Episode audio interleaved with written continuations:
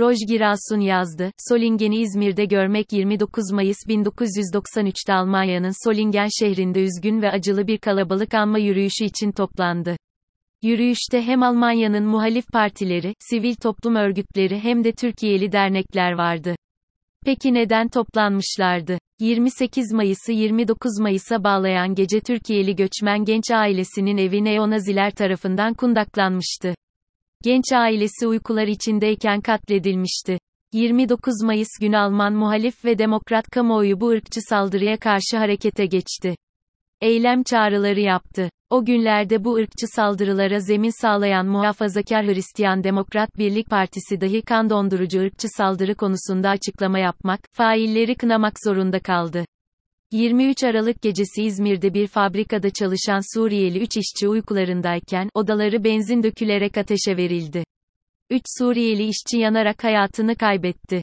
Saldırıyı yapanın yakalandığı söylendi. Onun haricinde ise başka hiçbir açıklamaya rastlanmadı.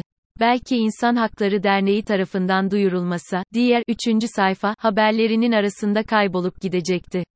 3 Suriyeli göçmenin bir ırkçı tarafından ateşe verilerek öldürülmesinin toplumda bir infial yaratmaması üzerine düşünülmesi gereken bir olgu.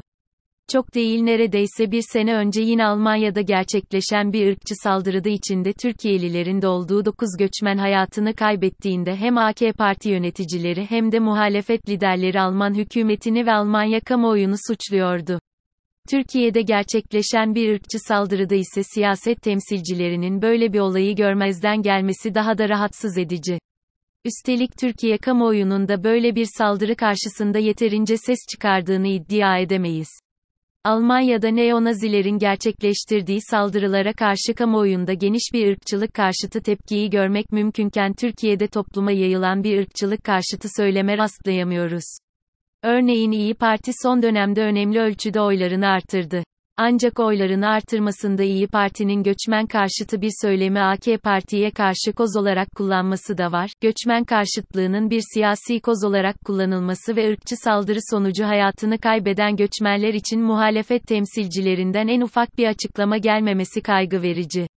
Bunun yanı sıra CHP'nin göçmen karşıtı söylemlere karşı net bir çizgi koyamaması ve Bolu Belediye Başkanı Tanju Özcan gibi isimlerin partideki varlığı muhalefetin ırkçılıkla arasına mesafe koyamaması kaygıları daha da artırıyor.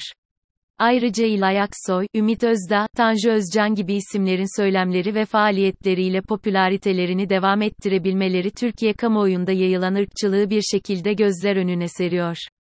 Suriyeli üç göçmenin vahşi bir saldırıyla hayatını kaybetmesi ve böyle bir saldırı karşısında siyasetin sessizliği, Türkiye'nin gelecekteki en önemli fay hatlarından birinin mülteciler meselesi olduğunu ve siyasetin en büyük imtihanının ırkçılık olacağını bizlere bir kez daha gösteriyor.